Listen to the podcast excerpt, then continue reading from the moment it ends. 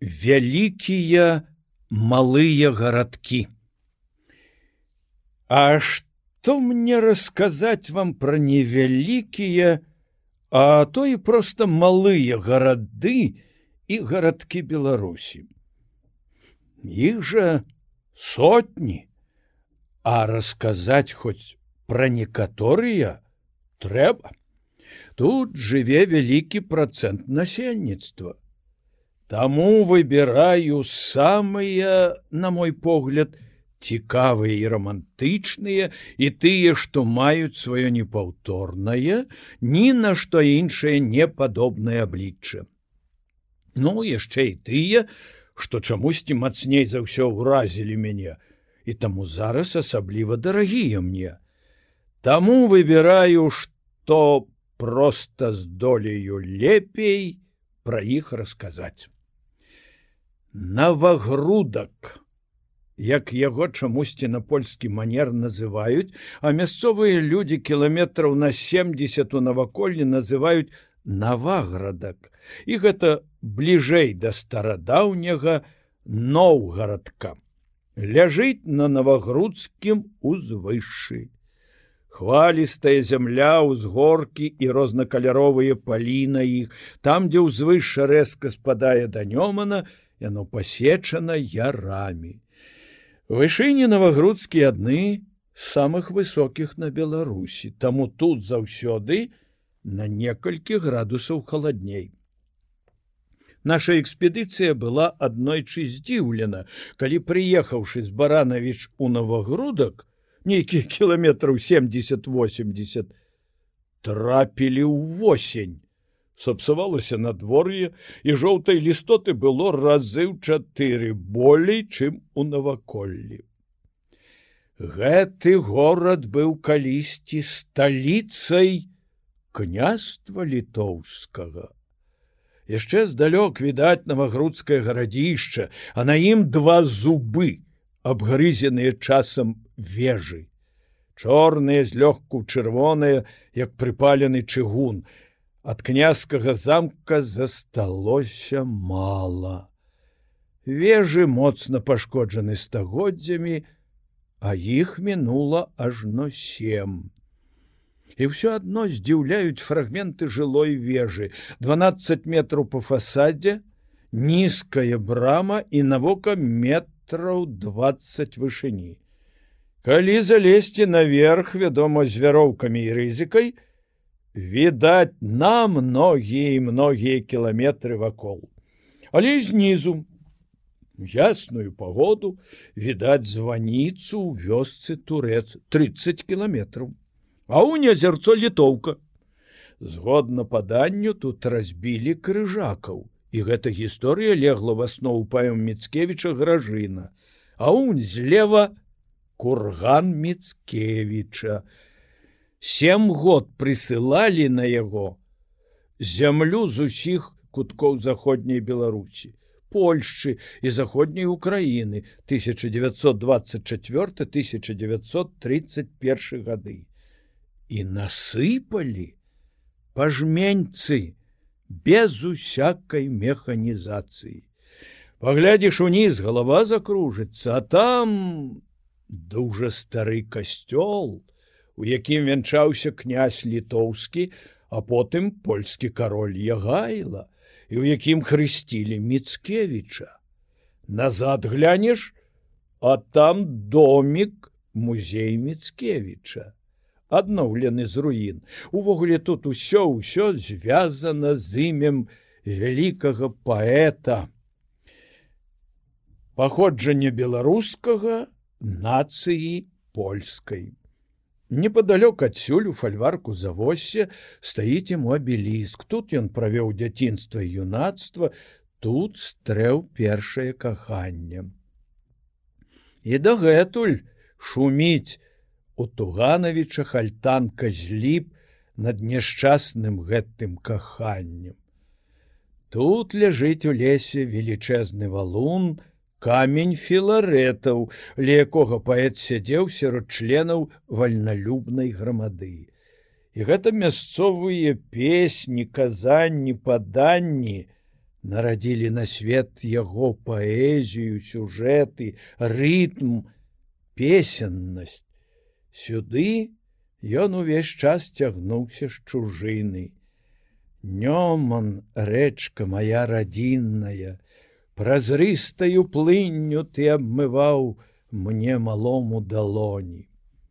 Айчына мілая літва, ты як здароўе, той табою даражыць як сваёй крывёю, хто страціў цябе.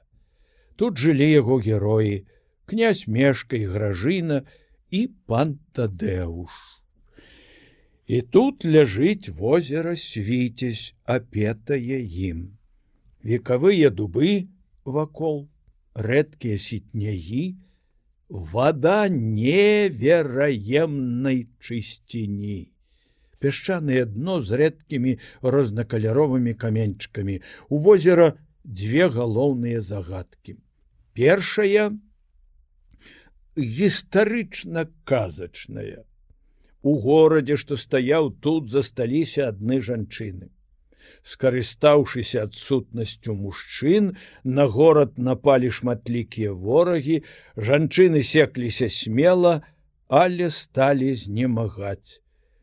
І тады яны пачалі маліцца, і горад праваліўся і зрабілася возерам. Другая загадка рэальная ёсць водарасць тетрадыніум аванікум то вось расце яна акрамя трапічных азёр явы і суматры толькі у свіцязі на другім канцы зямлі. Чаму? А хто ведае? Акадэміі свету Мабыць, далі б вялікую ўзнагароду таму, хто вырашыў бы гэтае складанае пытанне. Немцы ў час вайны выдзіралі яе кошкамі для сваіх шпіталяў. Раны, кажуць, зажывалі намнога хутчэй. Трэба было б зрабіць аналізы. Цяпер свіцесь ландшафтны запаведнік, рыбу калі ласка лаві, але толькі вудай. І добра, Чаму ў нас так много гарадоў на дне азёр? Ну што ж, на Беларусі, як і ўсюды ёсць вапнякі, а значыць, яны вымываюцца вадой, а значыць, магчымы і карставыя з'явы правалы. Можа, некаторыя зазёры атрымаліся так. Можа, на месцы некаторых і стаялі будовы. Астатняе зрабіла, неўтаймаваная народная фантазія.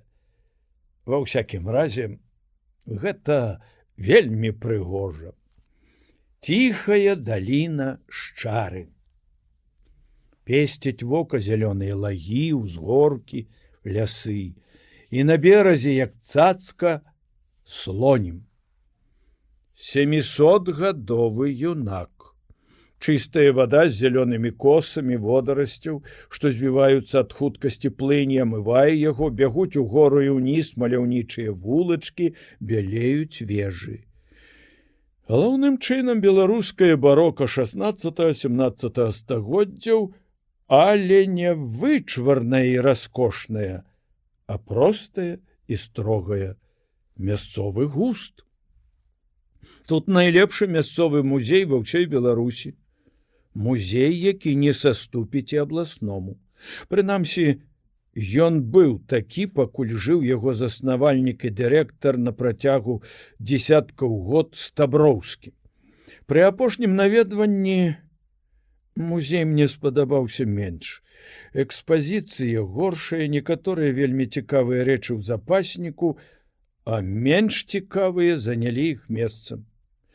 Прамысловасць тут галоўным чынам харчовая, лёгкая, ільнозавод, фабрыкі тэкстыльнай і мастацкіх вырабаў і металаапрацоўчая. А вакол колькі ўсяго. Канал пабудаваны дзядзькам кампазітара агінскага. Цікавы папярова-кардонны камбінат у Альберціне, унікальная ў сваёй прыгажосці і суровасці не толькі на беларусі але і ва ўсёй еўропе царква крэпасць у сынкавічах такая сумна адлучаная ад усяго сярод масіваў яблыневых садоў. І комплекс былога уніяцкага манастыра ў жыровічах 17 стагоддзя з неацэнным сваім жывапісам. Або не свіш. Славуты тым, што гэта горад помнік. Уявіце сабе цяністыя вуліцы, на якіх нярэдкасць барочныя дамы, 17-18 стагоддзя. Будынак друкарні, у якой славуты беларускі асветнік Сымон Будны выдаў у 1562 годзе свой катэхізіс, плошчу, на якой стаіць велічная ратуша, абкружаная гандлёвымі радамі і іншыя комплексы старажытных будынкаў. Горад быў рэзідэнцыяй акаталічанага, а затым значыць і апалячанага старажытнага беларуска-літоўскага роду князёў радзівілаў. Беларускіх сялян католікаў такое не датычылася. Яны зберагалі і мову і звычкі, хаця, вядома, касцёл накладаў свой адбітак на ўсё гэта. Шмат тут было, калі забыць аб горшым набудавана, выдадзена кніг, напісана карцін, сабрана археалагічных і гістарычных матэрыялаў. Розныя яны былі людзі князі. І тыраны самадуры, якія маглі дараваць свайму гайдуку словы накшталт, князь сёння п'яны, як свіння з'явіўся, а каб набіўся ягоны чалавек, то яго павесіў, дараваць таму, што праўда і прызначыць яго сяржантам і адначасова павесіць слугу, бо той хацеў быць заўсёды на віду у князю. Былі дзівакі, адзін захацеў пракаціцца ўлетку на санках.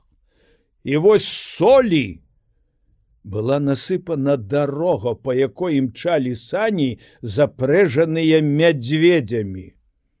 Это прыводзіць як прыклад жудаснага марнатраўства сродкаў сялянскіх.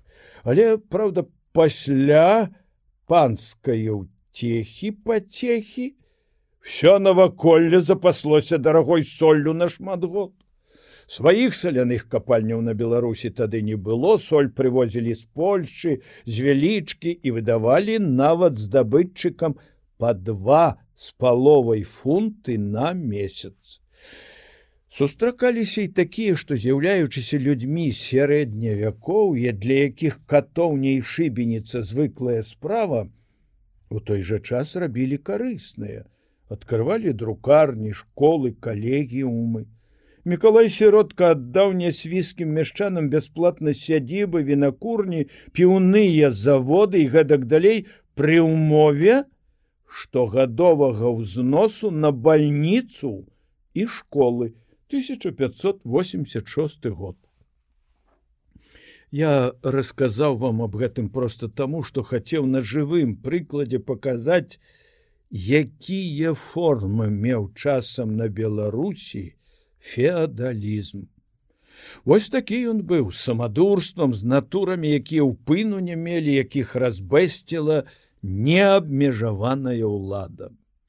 У замку была багатая кунсткамера з рэдкімі творамі мастацтва, арсенал з калекцыі шчытоў, рыцарскіх даспехаў, стрэльбаў і іншага, былі масіўныя вялізныя статуі апосталаў са срэбра, зліткі срэбра і золата, каштоўныя каменні, якім не было цаны, калекцыі манет, бібліятэка з 20 тысяч тамоў на розных мовах, у тым ліку і на беларускай.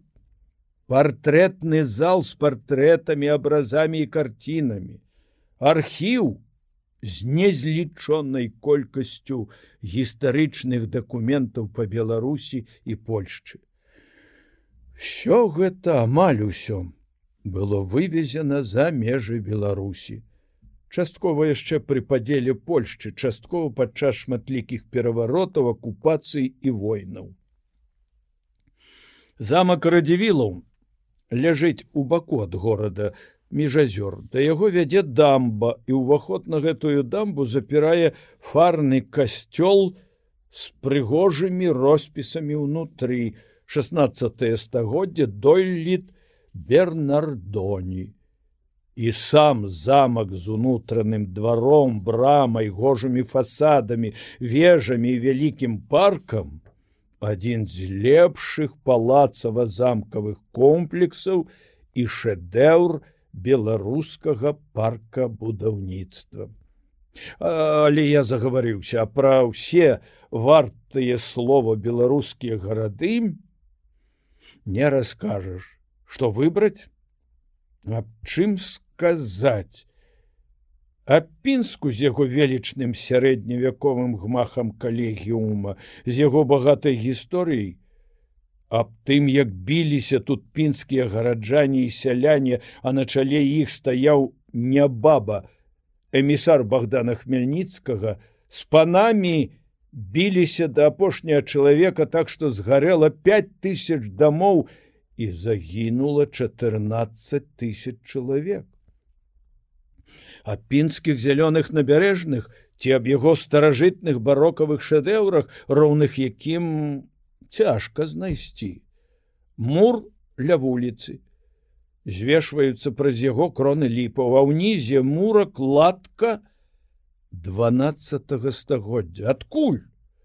А хто яго ведае что тут было ці пра мінікіяў мазыр вам расказаць ці пра оршу з яе легендамі з парогамі на дняпры ільнокамбінатам які выпускае адны з найлепшых ільняных тканін у свеце пра оршу дзе стаіць помнік кацюшам якія ў вайну далі тут першы зал?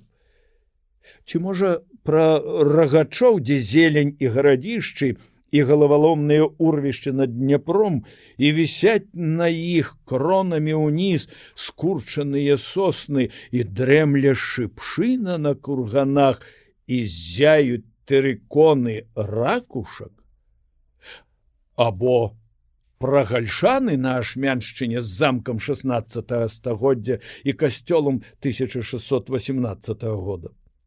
І як я распрануўшыся каб вопратка збіўшыся на шыю не задушыла слізгаў падземным лазам і знайшоў яйкападобную цямніцу пасля мы расчысцілі хоту яе і цяпер туды можна можа зайсці кожны ці пра малыя варняны астравецкага раёна адзін з першых узораў вясковай забудовы па плану будавалі ў 18 стагоддзі. Дужа тут прыгожа. Асабліва чырвоная вежа на востраве, увянчаная буслінымі гнёздамі. Або маленькі мір, такі маленькі, што замак 16 стагоддзя крывава белы з вежамі як скалы, здаецца больше за яго, асабліва калі падвойваецца ў вадзе става. Адзін з самых гожых замкаў, якія мне даводзілася бачыць мір, дзе калісь адбываліся выбары цыганскага караля, які жыў тут. Пасля каралі абралі рэзідэнцыю на паўночным захадзе Беларусі.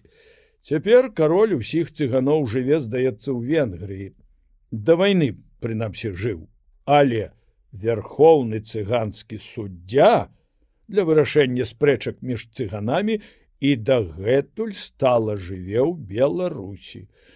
Чэрвені 1969 года мне давялося бачыць тое што мабыць не бачыў ніхто з пісьменнікаў.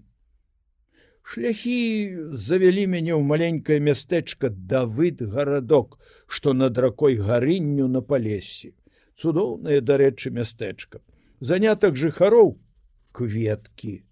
Зямлі не шмат бо летнія повені часто заліваюць наваколле. Таму кожны сухі лапік падружы ля ў коні мацыёлу пахучы гарошак вяргіні каны кручаныя панічы грамафончыкі астры махровую шыпшыну і тысячы тысячы іншых гатункаў. Насеннем клубнямі кветкамі гандлююць аж да сібірыі і таму на кожнай хаце знак сонца, а самыя хаты шалеюць, задыхаюцца в акіяне красак. То вось там бачыў я гадавую павярхоўным цыганскім суддзі. Прыехаў ён сюды разбіраць нейкую справу, кінуўся ратаваць тонучую беларускую дзяўчыну подлетка і утапіўся сам. Сабраліся з усіх канцоў Беларусі і вучоныя і майстры з заводаў і вандроўныя цыганы. Трызну загадзя падрыхтавалі на могілках у баку ад магіл ад той і з надпісам: Базылевич, Гарасім Ігнатович 1928 1968 у наших цыганоў беларускія прозвішчы. Купілі шмат бараноў, трох свіней, 200 штук курэй, ну і іншае да таго. І вось ішлі цэлая гурма, намісты, хвалі сукенак все ярко як крыху прыглушаны попелам жар. Мора меді мора чырвані і сіні а над усім гэтым мора солнца так что аж не верылася ў канец жыцця вялі гладкага як змея гнядога коня с конём сфотаграфуй яго конь ну калі ласка с конём і як праводзілі суддзю пад шатром. Бо ў якой бы хаце ці нават кватэры цыган не жыў, а праводзіць яго ў краіну цыганію пад шатром. І на гэтым я закончу, не паспеўшы расказаць і тысячнай часткі таго дзіўнага, што бачылі мае вочы на беларускіх дарогах і ў беларускіх, гарадах.